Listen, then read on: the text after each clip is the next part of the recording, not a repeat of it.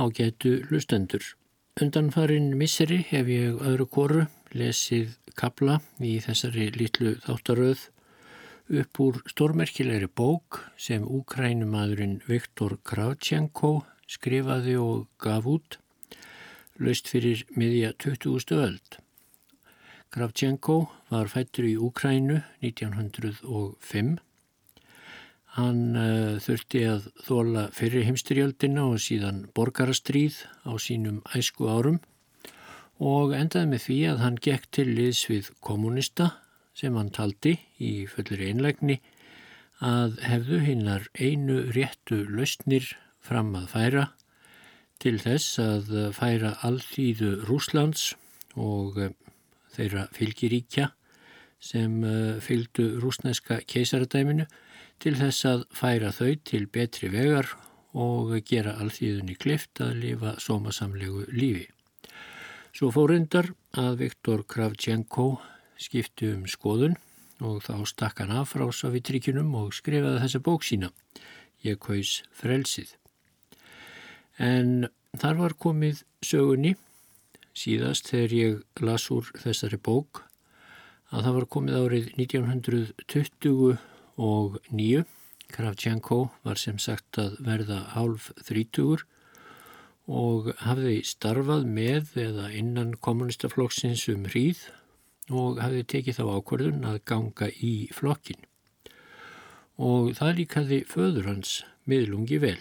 Fadur hans hafði verið byltingarsinni á sínum tíma en taldi þó að kommunistar væru allt of harðneskjulegir og harðsvíraðir til þess að maður ætti að binda trússitt við þá í leitað betri kjörum fyrir alþjóðuna.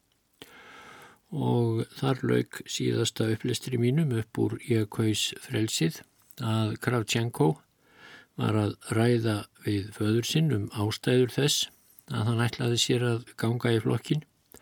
Hann viðurkendi fúslega að kommunistum hefði orðið á Ímis mistök og einstakar menn hefðu gert sig seka um óhæfuverk og hörku í eh, tilraunum þeirra til þess að snúa við blaðinu í samfélaginu og færa það frá frumstæðu bændasamfélagi til yðinvæts samfélags 20. Eh, aldar en, saði Kravtjanko við pappasinn, hann taldi þó að það veri réttar að standa innan flokksins og gaggrína hann þaðan heldur en að gaggrína hann utanfrá. Ég vil vinna ærlega innan flokksins, berjast á móti því ílla sem þar er að finna og styðja það góða, sagðan. Ég hugsaði mig lengi um áður en ég tók þetta skref að sækja minguengu í flokkin. Tímin og reynslan geta einn skorið úr um það hvort flokkurinn er á réttri leið eða ekki en ég trúi á markmið flokksins og er fús á að fórna öllu sem ég get til að því verði náð. Þegar öll er á botning kvöld, fadur minn, þá ert þú ekki mótfallin yðnvæðingunni. Þú ert ekki mótfallin því, er það nokkuð, að dráttarvelar komi í stað út slitina hesta. Þú hefur vallan eitt á móti því að bændurnir stopni til samirkjubúa af frjálsum vilja Fadir minn leitt alvarlega á mig en ekki reyðilega. Öðvitað er ég ekki mótfallin þessu, vitja, og ég fer nærri um tilfinningar þínar. Ég þekki í raun og veru sjálfan mig í þér. Svona var það sem ég hagaði mér áður fyrr. Ég fór eftir sannfæringu minni og hlýfði korki sjálfum mér, konu minni, nýja ykkur börnunum. Ég taldi að það veri betra að hafa einhverja trú en enga. Þú mannst eftir lúk í næturhæli eftir Maxim Gorki sem segir Guð er til ef þú trúir því, en ef þú trúir því ekki þá er enginn Guð til. Þú hefur nú eignast trú, sonur minn, ég óska þér heilla og farsældar af heilum hug. En slítu þig samt ekki frá fólkinu, vitja, dæmdu hvaða gagn þú gerir, ekki eftir þeim stöðum sem þú verður settur í, heldur eftir því hvernig fólkinu líður sem þú verður settur yfir. hvort það hefur meira að býta og brenna, hvort það er hamingjusamara og þó ekki síst frjálsara en það var áður. Ef þú í raun og veru ert nákomin fólkinu, skilur það og hjálpar því, þá mun ég alltaf verða þér þakklátur. Livðu ekki á slagurðum, dæmdu stjórnmálamennina eftir verkum þeirra en ekki eftir fagrum orðum þeirra. Í Kreml eru þeir miklir meistarar í fræðisetningum stjórnar herrarnir. Við skulum sjá til hvernig þær reynast í framkvæmt. Ég vona að þú fáir aldrei ástæðu til að missa trúðína. Svo þaknaði fadur mínum stund en helt síðan áfram. Hver veit, lauk hann máli sínu, ef til vil hefnast börnum okkar að skapa raunverulegt frelsi og betra líf fyrir fjöldan. Ég er vissum að það tekst pappi, saði ég. Þessi viðræða, okkar föður míns, var mér í fersku minni þau ár sem á eftir komu, meðan ég vann í flokknum og fyrir flokkin. Það var eins og fadur minn stæði alltaf hjá mér, aðtugaði mig og dæmdi, horði á staðrendirnar og verkin bak við öll slagorðin og bak við allt sem ég gerði. En Á miðju árinu 1929 var ég tekinn formlega í flokkin. Mér fannst að vera mesti viðburður æfiminnar. Það gerði mig að liðsmanni í úrvalsliði hins nýja Rúslands. Ég var nú ekki lengur einstaklingur sem gatt valið sér vini áhuga mál og sjónarmið að vild og hendugleikum. Ég hafði fyrir fullt og allt helgað mig hugssjón málstað. Ég var hermaður í her sem var undir ströngum aga og hlýðinni við miðstjórnina var þar æðsta og næstum því eina degðin. Framvegis var óleifilegt að hafa samskipti við ranga menn og að hlusta á raung orð. Þetta vissi ég vel og undrigegst það. Dagun okkur eftir að ég hafði verið tekinn í flokkin var ég á samt stjórnanda verkstæðis míns kallaður upp í skrifstofu Frankvandastjóra verksmiðjunar sem ég vann í. Frankvandastjórin sagði að gæði þeirra verkfæra sem við hefðum afgreitt til Druskovski verksmiðjunar við neðri dón væri orðin lakari en þau hefðu verið. Við ættum að fara þangað þegar í stað og rannsaka nákvæmlega hvað væri aðtóguvert við þær vörur sem við hefðum sendeim og gefa honum síðan skýrslu um það. Eftir viku ferðalag kom ég aftur og hafði þá samið langa skýrslu. Ég held ég hefði bent á gallana og bar fram nokkrar tillögur til að koma í vekk fyrir þá. Frankvandastjórin var ánægur. Hann saði skildu mæla með því að ég fengi talsverða peninga uppæð að verðu launum fyrir gott starf og spurði hvort ég væri ánægur með það. Ég hef enga þarf fyrir peninga, saði ég, en mér vantar íbúð. Einn bræðra minna og fadir minn vinna eins og þeir vitið hér í verksmiðunni líka en í nokkur ár höfum við ekki átt reglulegt heimili vegna húsnæðisvandræðana. Eins og sækir standa búum við ekki einu sinni öll saman og móður mín er neitt til að hýrast upp í sveit. Ég skal sjá hvað hægt er að gera, lofaði framkvæmda stjórin, nokkur um dögum setna bjó Kravtjenko fjölskyldan sameinuð í viðkunnanlegri nýtísku íbúð sem verksmiðjan átti. Móður mín gatað lokum yfirgefið gamla húsið sem við höfum búið í í forðum daga í samirkjubúinu Herklökkunni. Nú tók við hefði svo nefnda sjaktímál en það tók mjög mikið rúm í dagblöðunum heima árið 1928 árið áður en ég gekk í flokkin og það var ég vel minnst á það í erlendum blöðum. Hópur hátsettra verkfræðinga í kólaeðinaðinum var kallaður fyrir rétt í Moskvu í viðurvist innlendra og erlendra bladamanna með kvikmyndavélar og hljóðnema sem fluttu fregnir af gangi málsins um allt land. Hér, saði stjórnin í Kreml við íbúa landsins, er ástæðan til þess að hér verða svo mörg og alvarleg skakkaföll í yðinframleiðslunni. Erindrekar auðvaldsins leifar frá gamla stjórnartímabilinu koma af ráðunum hug af stað óhöppum og grafa undan framleiðslunni. Þetta var upphaf síningar réttarhaldana sem setnaðurðu svo algeng þar sem menn stóðu að þeir virtist inni rólegustu og játuðu á sig glæpi og skemdarverk gagvart ríkinu. Í sjaktímálinu neituðu sumir hinn ákjærðu samt ásökunum um að þeir hefðu vísvitandi staði fyrir skemdarverkum og þeir börðust af hörku fyrir lífi sínu.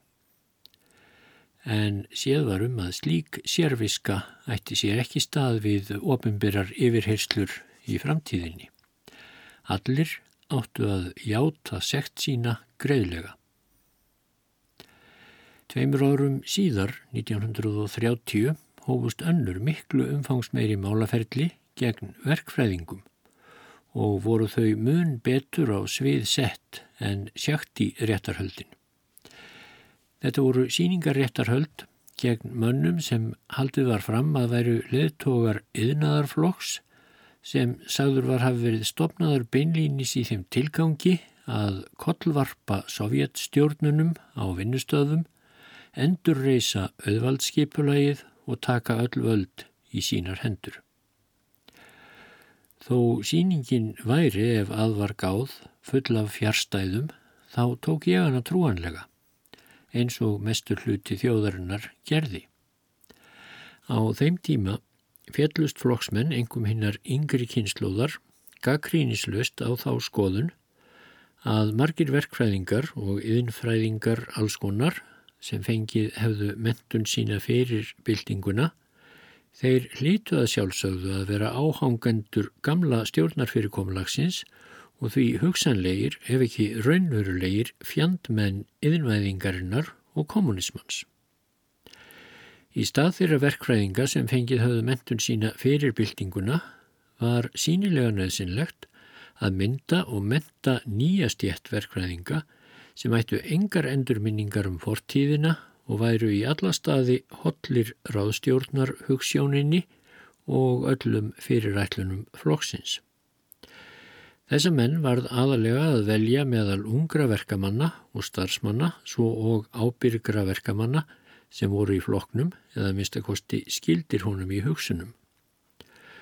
Svo ákvörðun var þess vegna tekinn á eðstu stöðum að taka þúsundur manna úr floknum og verkalýsfélagunum og láta þá stundan ám í gömlum og nýjum háskólum og yðinskólum. Þetta var fyrirætlun sem átti upptök sín í henni almáttugu stjórnmálanemnd eða pólítbúró. Árið 1930 kom hópur af erindrekum frá eftirlitsnemnd miðstjórnar kommunistaflokksins til að rannsaka starfseminna og starfsliðið í verksmiðju okkar. Ég var kallaður til skrifstofu framkvæmdastjórans. Í stól framkvæmdastjórans bak við geysi stórtu rauðviðar skrifborð með fjölda síma satt nú ókunnur maður sem ég þekkti þó að myndum að var Arkadi Rosengolds, einn af áhrifamestu leittógunum í Moskvu og mikilsvirtur meðlimur miðstjórnarinnar. Góðan dag, félagi Kravtjenko, saðan brosandi og rétti mér höndina. Ég hef látið kalla yfir hingað vegna þess að ég hef heyrt um starfiðar. Þér hafið áhuga á að koma framleiðslunni á hagkvæmari grundvöld. Það er ágætt. Þér eruð ófeimin við að skrifa í blöðun okkar, það er líka gott. Er nokkuð sem þér þarnist sérstaklega? Nei, þakka þér fyrir félagi Rosengolds. Jæja, sagðan þá, segið mér nú eitthvað um sjálfaniður. Ég sagði honum í stuttumáli frá lífi mínu, bernsku minni í fjölskyldu byltingarmanns, vinnu minni á samvirkjubúinu frá tímanum sem ég vann í kólanámunum í Donetsk hér aðinu og hvernig ég hafi gengið í eskulísfylkinguna. En fremur saði ég honum frá þjónustu minni í Rauðahernum. Hversu oft átti ég ekki eftir að segja þessa sögu. Þessi stöðu að sundur rakning á engalífi manna er í ráðstjórnar þjóðfélaginu næstum því orðin að helgisíð sem framkvæmdur er munlega eða með útfyllingu spurningareiðublada við lítilfjörlegasta tilfelli. Rosengolds hlustaði, virti mig gömgefilega fyrir sér og tók svo auksínlega ákvörðun. Þér eruð ungur maður, en ekki orðin 25 ára, saðan. Flokkurinn þarnast verkfræðinga til að starfa við yðnaðin. Langar yður til að ganga mentabrautina. Við skulum sendiður nokkur ár í yðnskóla. Þér endurgjaldið flokknum með því að vinna eins vel og þér getið. Flokkurinn hefur þörf fyrir tæknilega mentamenn innan sinna flokksraða til að framkvæma yðnvæðingarstarfið í samræmi við stjórnmálastefnu hans. Þakkur fyrir, svaraði ég, mér var í ánægja í að gera allt sem ég get fyrir land okkar. Næsta dag kom sjálfur Sergo Ortsjónikítse til verksmiðunar en því skal hér skotið inn að Sergo Ortsjónikítse var georgíumadur og eh, var á sínum tíma einn nánasti bandamadur landasins Stalins í sovjerska kommunistafloknum. Hann var sérfræðingur í efnahags- og innvæðingarmálum á þessum tíma en átti svo setna eftir að komast upp á kant við Stalin. En það var í framtíðinni, um þetta leiti árið 1930, þá skein stjarnar Sergo Ortsjónikítsis skærast. Og Kravtjenko heldur áfram. Ortsjónikítse kom að óvörum inn í deildokkar og var í fylg með honum hópur af yfirmönnum verksmiðunar og héraðsins. Ég hefði ekki getað komist í meira uppnám nema Stalin sjálfur hefði komið með. Ortsjónikítse var enga vinur Stalins, ráð þeirra eftirlits með verkamönnum og bændum, yfirmaður eftirlitsnemdar miðstjórnar flokksins og það fyrsta sem ég hugsaði var hann er bara alveg eins og ljósmyndin á vegnum í stofun okkar í Donetsk-dalnum. Ortsjónikítse var með samskonar háa gráa loðhúfu í samskonar blári treyu með gráum kraga. Víðum buksum hans var stungið niður í mjúk nýjahá stígvél. Arnar nefið á Ortsjónikítse var enn bognara og tignarlegra en á myndinni á vegnum og efri var að skekkið stóð enn lengra út undan þessari gnípu.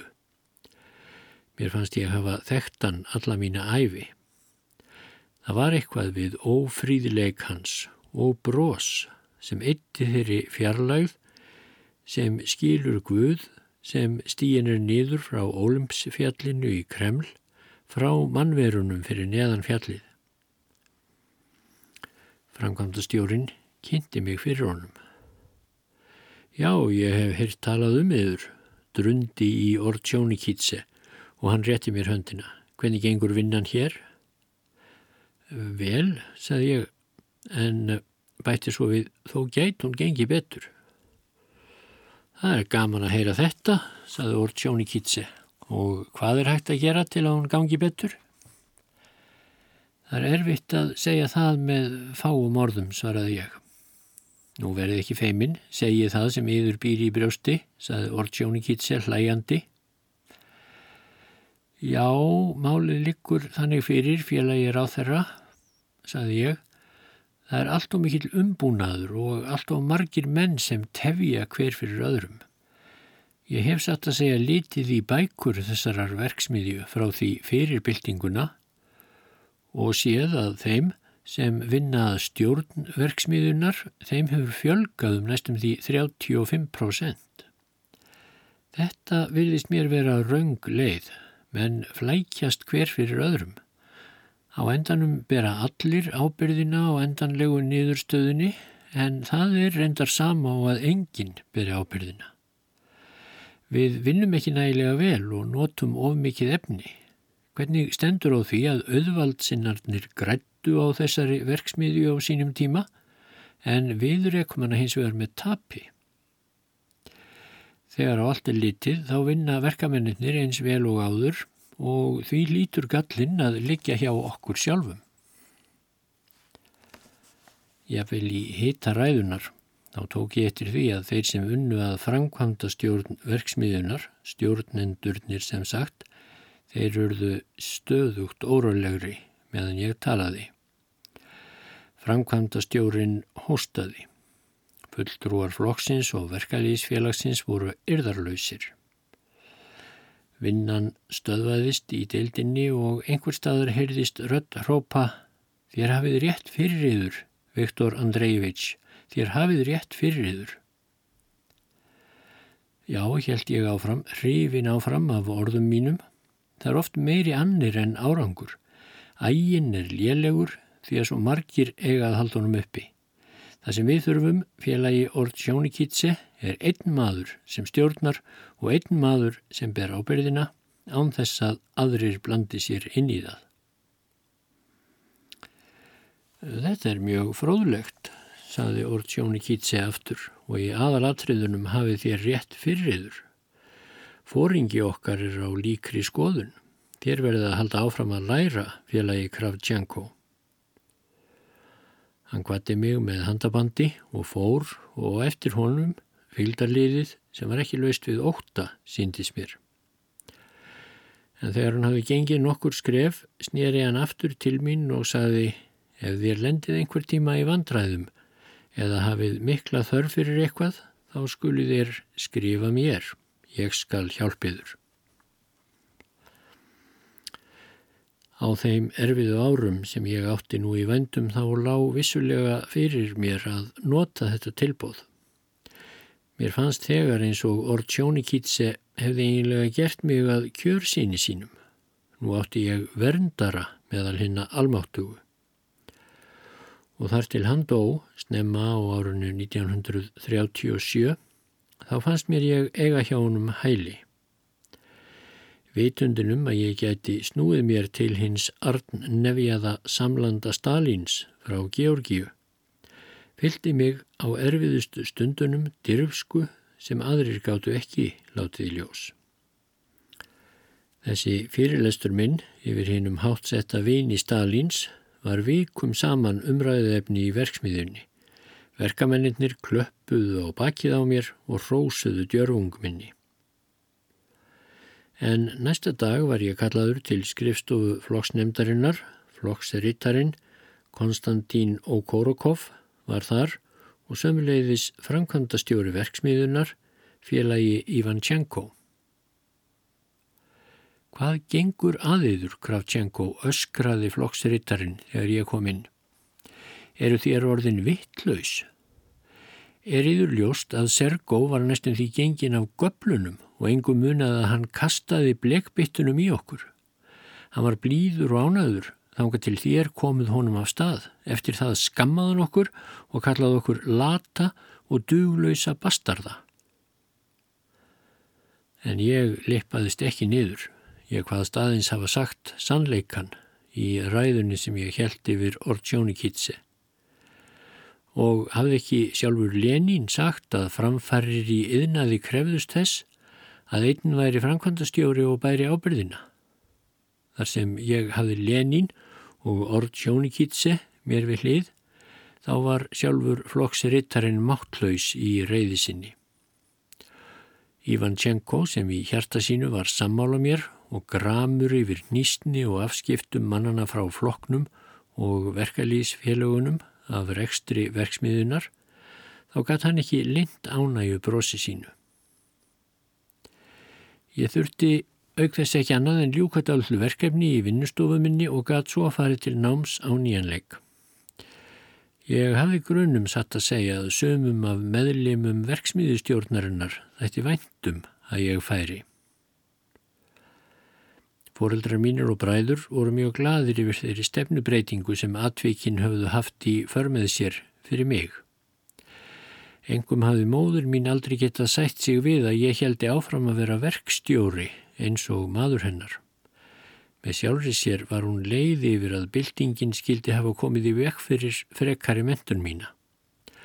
Nú átti ég þó, þó sent væri, að undirbúa mig undir að verða verkfræðingur að æfistarfi og móður mín var vissulega mjög heilluð af þeirri hugsun. Jafnvel, fadur minn leit út fyrir að vera fullkomlega hamingjusamur. Hann hlustaði með mestu ánægju á lýsingu mína og félaga Ortjóni Kítse og tók undir hana. Sónur minn á að verða verkfræðingur, heyrði ég hann segja eitt kvöld við gamla vini sem sátu umhverfis fjölskyldu samóvarinn og ég heyrði að það var hreikni í röddans. Ég eiti nú mörgum mánuðum í að tróða í mig þekkingu fyrir intökuprófið. Það voru sett á stopn sérstök undirbúningsnámskeið fyrir hinn að hefnu ungu menn sem útvaldir hefðu verið í þær þúsundir sem áttu nú að mynda hinn að nýju mentamannastjétt ráðstjórnar ríkjana svo hægt væri að kasta henni gömlu fyrir róða.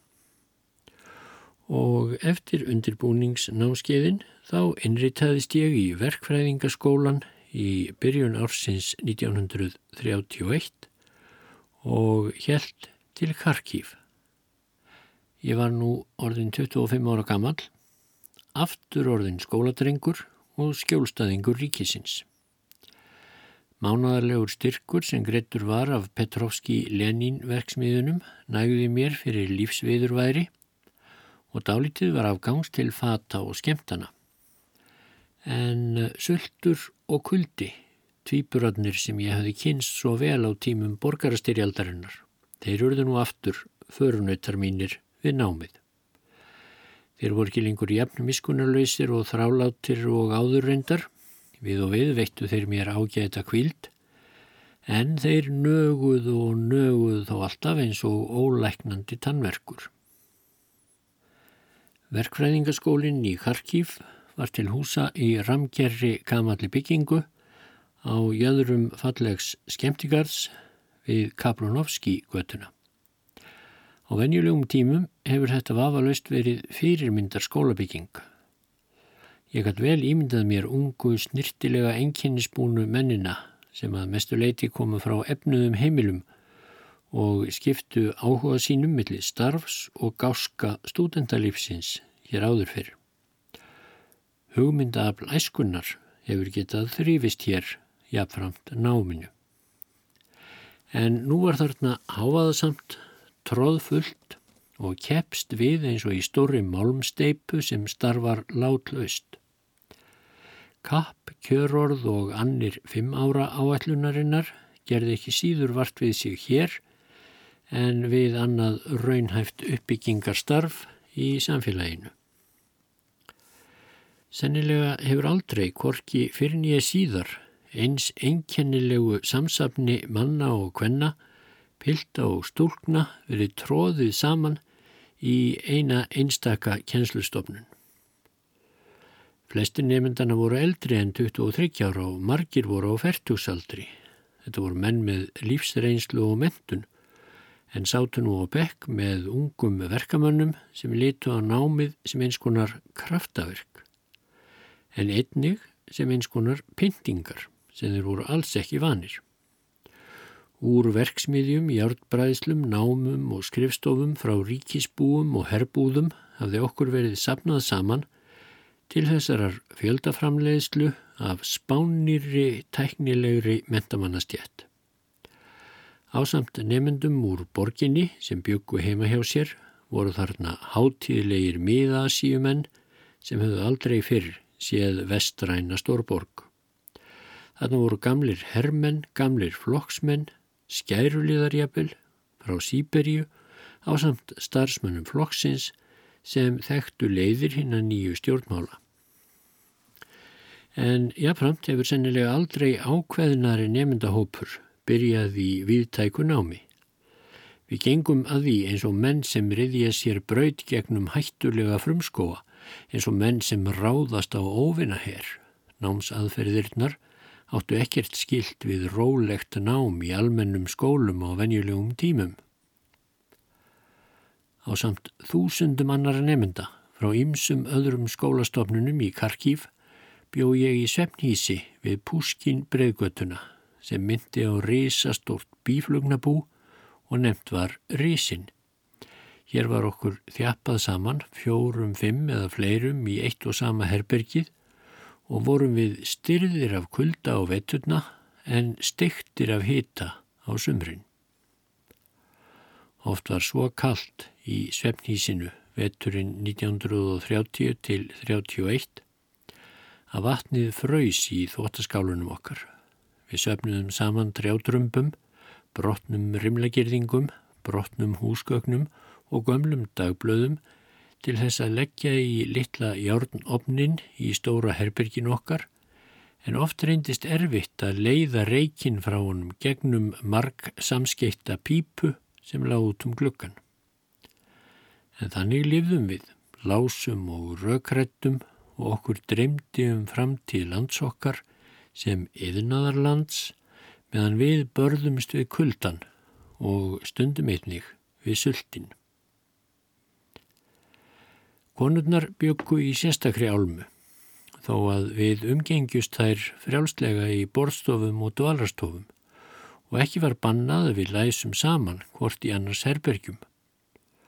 Og auðvitað tókust oft ástir millir kall og hvenn nefndana. Við vorum ekki tepruleg í reysanum, það get ég sagt. En almennt talað var siðferðið þó furðulega gott. Hugarfar nefndana var of alvarlegt, daglegir erfiðleikar þeirra of miklir og gagkvæm virðing þeirra of raunhæft til að gefa sig við léttúðarfullu ástartadri að ráði. Ég var í herbergi með fjórum öðrum, Alexei Karnákov, Georg Vígúra, Vanja Avdaschenko og Pavel Pakolkin.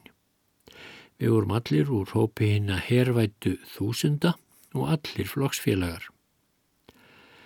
Alexei Karnákov var í raun og veru mikilsverður maður, þar eða hann var í miðstjórn æskulísfylkingarinnar. Hann var þéttur á velli, með hálmgullt hár og alvarleg brún augu og jafn geðugur að skapferðli og útliti. Hann var heiðarlegur, reynskilin og gaggrínin, en sá eiginleiki var reyndar sjaldgefur hjá hátsettum kommunista þegar þarna var komið sögu. Hann var gorki stóru upp á sig vegna stöðu sinnar, nýja hrættur við að taka þátt í frjálsum rökræðum um skólan eða ofinbyr málefni hver sem var. Við Alexei urðum þegar í stað ágætir vinnir, okkur þótti væntum flokkin og við trúðum á hann. Einmitt af þeirri ástæðu híkunum við ekki við að tala hreinskilnislega um hann. Hvers vegna var þessi hræðilega gjá sem þegar var farin að blasa við milli slagorðana annarsvegar og framkvæmdana hinsvegar, milli opimbera staðhæfinga og svo augljósra staðrinda. Við aðtúðum þetta mál ekki í reyði, heldur af vinsamlegri umhyggju fyrir floknum. Okkur fannst það auðveldara þegar við vorum saman að sjá skinnsemi í hinnum vaksandi ógnum að uppgötfa göfugan tilgang bak við það sem virtist vera ógöfu höfðun og yfir leitt að styrkja sameinlega trú okkar á örvendingarföllu tímabili eins og þá gekk yfir. Georg Víkúra var kommunisti allt annarar tegundar. Í hans augum voru það helgispjöll og ekkert annað að láta sér koma til hugar að rökræða fyrirskipanir flokksins og ákvarðanir. Um hvað var verið að ræða, lág ekki allt í augum uppi. Georg hafði engar skoðanir, aðeins tilvittnanir í Stalin, málgagnið í Svestia, bladið Prövdu og aðrar heimildir. Málefni sem ekki lágu fyrir neinar ofinberar yfirlýsingar um voru alls ekki til fyrir hans sjónum. Hann var alveg vissum það að það myndi fara ítla fyrir okkur Alexei vegna gaggríni okkar og tortrygni, vegna áhyggna okkar og hreinskilnislegra viðræðina. Pak Holkin, sem var jafn mikill reyntrúar maður, gagvart floknum og Georg, hann var döfgerður, yðjusamur og þólinnmóður náungi. Hann bar lotningu fyrir okkur öllum sem vorum í herbergi með honum og vakti hjá mér þá óþægilegu tilfinningu að hann væri þakklátur fyrir að honum væri lift að lifa. Honum fannst jafn mikið til um gaggrínislausan flokkstrúnað víkúra og býræfnar spurningar mínar. Ég er ansið hættur um að við höfum notað okkur góðmennsku veslings Pakkolkins og lagt heldur meira af herbergisvinnu á auðmjúkar herðar hans en honum bar með réttu að inna af hendi. En raunverulega vandraði barnið í herbergi okkar var Vanja Avdastjanko. Vanja var elstur okkar. Ég hygg hann hafi verið komin yfir þrítugt. Hann var stór, sterkur og góðlindur en ótrúlega latur. Hann hafi verið skæruliði á árum borgarastyrjaldarinnar og lifði í fölnandi ljóma þeirra afreka sem hann vann þá. Hann virtist álíta að störf hans þá leistu hann til eilífðar undan skildunni til að vinna alvarleg störf. Hann var ekki heimskur, hann vanja Avdastjenko og hefði geta lært ef hann hefði nefnt að hafa fyrir því. Við heldum ræður yfir honum um þetta og nefndum hann til að lofa hátíðlega að inna af hendi þau störf sem hann hafði verið valinn til sem einn af þúsundunum margum töluðu. Viðleitni okkar í þessu efni liti þó ekki til neins árangurs. Aftas Tjenko lág endi langur í rúminu og lést vera að hlýða sér yfir efnafræðiformúlur en var þá í raun og veru að lesa reyfara. En gallarnir á Aftas Tjenko sem nefnda áttu sér fyllilega mótvægi í hæfileika hans til að stofna til pólitískra kunningjasambanda. Hann þekkti alla og allir þekktu Avdastjenko. Það var álitið sjálfsagt að kjósa hann í mikilsvarðandi nefndir. Þar gerðan auðvitað ekki nokkurt skapaðan hlut og þess vegna gerðan heldur ekki neitt ránt sem geti gefið högstað á honum. Avdastjenko átti vini í eldhúsunum, í risanum, í bestu kaufélagsveslununum og annar staðar þar sem hægt var að hamstra aukaskamt. Við fengum allir hlutdeild í árangrinum af pólitískri snilligáfu hans og skömmuðum hann samtímis fyrir letina. Avdastjenko var vísaður skóla fyrir dugleysi áður en fyrsta námsárið var á enda. En þegar ég hitt hann í Moskvu mörgum árum síðar þá furðaði mig ekkert á því að heyra að hann væri orðin yfirmaður þýðingarmikils verksmiðurings. Á klífurferð sinni upp ennbættistegan var Avdastjenko ekki íþyngt af ofþungum byrðum þekkingar, skilnings og viðkvæmni. Pólitíkin var satt að segja enþá þýðingar meiri námskrein en hinnar tæknilegu námskreinar sem við lögðum stund á sem upprennandi verkfræðingar. Það sem stjórnin ætlaði sér að ala upp voru reyndar ekki einasta verkfræðingar heldur verkfræðingar sem færu að vilja hennar í öllum greinum. Lenínska skóladeildin undir fórustu professors Filipovs hafði taumhalda okkur. Þeir sem ekki gáttu meldt Das Kapital eftir Marx, Rökræði Engels, Rít Lenins en þó umfram allt rítgerðir Stalins, þeir voru reknir úr skólanum fljótar en þeir sem áttu aðeins í vandræðum með útreikninga eða teikningar eða eitthvað tæknilegt af því tægi. Við Herbergis félagarnir 5 vorum í skóladilteri sem laði stund á teikningu flugvila. Þó aðeins Vígúra hefði áður haft nokkra reynslu í flugvilasmíði. Þetta gladd okkur og okkur fannst verið eitthvað tákgrænt við sjálft viðfangsefnið þar að þetta var nýjasti liðurinn í nýsköpunar áætlun Rúslands. Á mótnanna efðum við okkur í leikvimi í þrönga herbergin okkar okkur til hita aðalega. Að því búinu mötuðumst við í borðsal Reysans. Venjulegur morgunverður var lítil skál af gröð, einsneið af rúbröði og te, sikur og sítrónu lust. Þegar við gengum til skólans hálf soltnir og skjálfand af kulda, voru við þó og enganhátt daprir í bragði. Við höfum nóg að tala um og gera áallanur um, bæði við við kendi skólanum, risanum, floknum og okkur sjálfum. Þrátt fyrir mismunandi skoðanir og þrátt fyrir að okkur lendi stundum saman þá heldum við hópin og aðstóðuðum hver annan. Ef einhver okkar fimm fór á þýðingar mikið stefnumót við stúlku þá hjálpuðu hinnir honum til að líta sæmilega út með því að lánunum hálsbindi, reyna treyju eða spariböksur meira segja fekk hann hjá þeim nokkrar rúblur í farreiri ef svo bara undir. Skólinn gaf út eins og allar aðra stopnannir í ráðstjórnaríkinum þá sérstakt dagblad. Ég varð brátt bladamadur við það.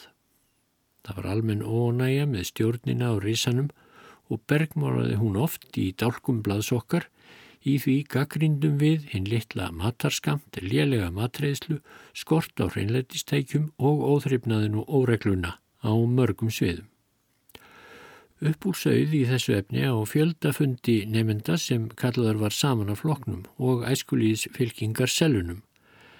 Eh, þar voru haldnar margar ræður og margar tilugur borðnar fram.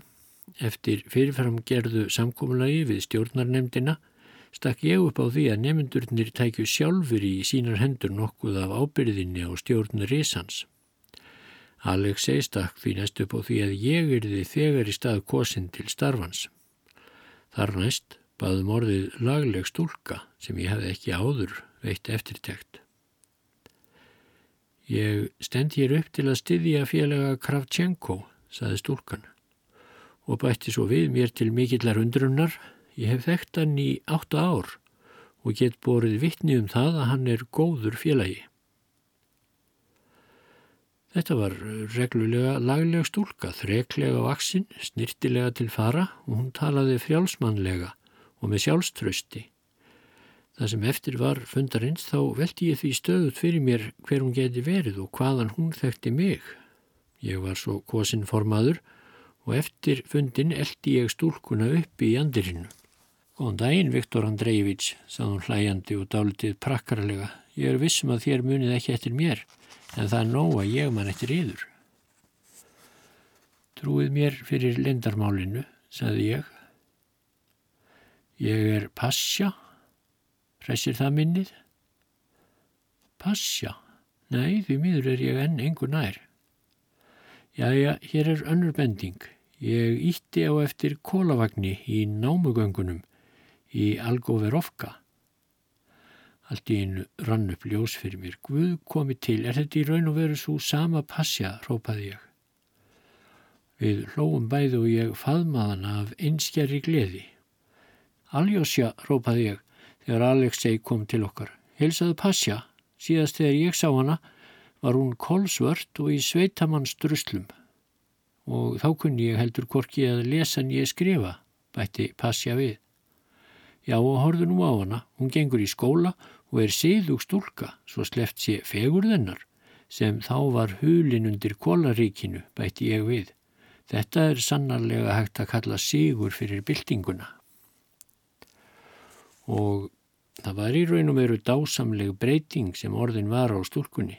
Það var næstum því ómögulegt að sjá á þessari stúlku nokkurn svipafinni fávísu, skapstyggu, ungu sveitastúlku sem ég hafi kynst í námunum og var þá með druslur um fæturna og langar fléttur niður eftir bakinu. Og ég myndist þess að hún hefði verið eins og villidýr í búri, ösku reyði yfir öllum tilraunum til að síðana til. Einhver staðar langt niður í vitund minni skrifaði ég nýjan þroska passja tekjumegin á reikning byltingarinnar. Kynning Alexeis og Passja varð upp af ágætrar vináttu. Ég taldi mig upphásmann og verndara vináttu þeirra tvekja. Með aðstóð borgarráðsins í Harkív og flokksbladan í borginni tókst okkur að bæta lífskjörin í risanum. En þrátt fyrir þær um bætur lifðum við enn við þröngan kost og auk erfiðleika okkar í skólanum urðu flest okkar þess áskinja að óðum verstnaði hagur almennings í borginni og síst var betur ástætt upp til sveita og þrátt fyrir þögnina sem ríkja varðum allt það sem aflaga fór og þrátt fyrir raunverulega hættu við frjálsar umræður, þá vissum við öll sitt á hverjum ástandið, þótt sumt væri okkur hulið. Orðrómur um ótrúlega grimd í sveitaþorpunum í sambandi við útrýmingu kúlakkana eða henn að myndu stórbænda barst á milli manna. Við sáum langar listir af greipavögnum, fullum af bændum, aka í gegnum Karkív, sennilega á leið til tundranna í Norðurúslandi í sambandi við þessa útrýmingu kúlakana.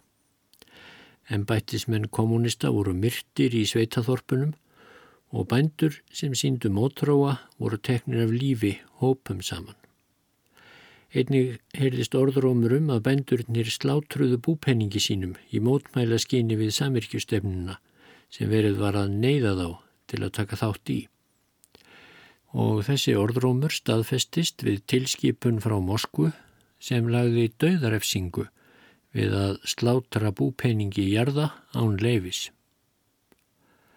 Hjáttbröytarstöðar borgarinnar voru tróðfullar af soltnum, tötrum klættum bændum sem voru á flótta frá heimilum sínum. Heimilslaus börn sem hafðu verið svo algeng sjón á tímum borgarastyrjaldarinnar og hungursneiðarinnar þau sáist nú hvarvetna aftur. Aftur sáist beiningamenn á göttunum, aðalega fólk úr sveitunum en einnig margir úr borginni. Hvað var að gerast?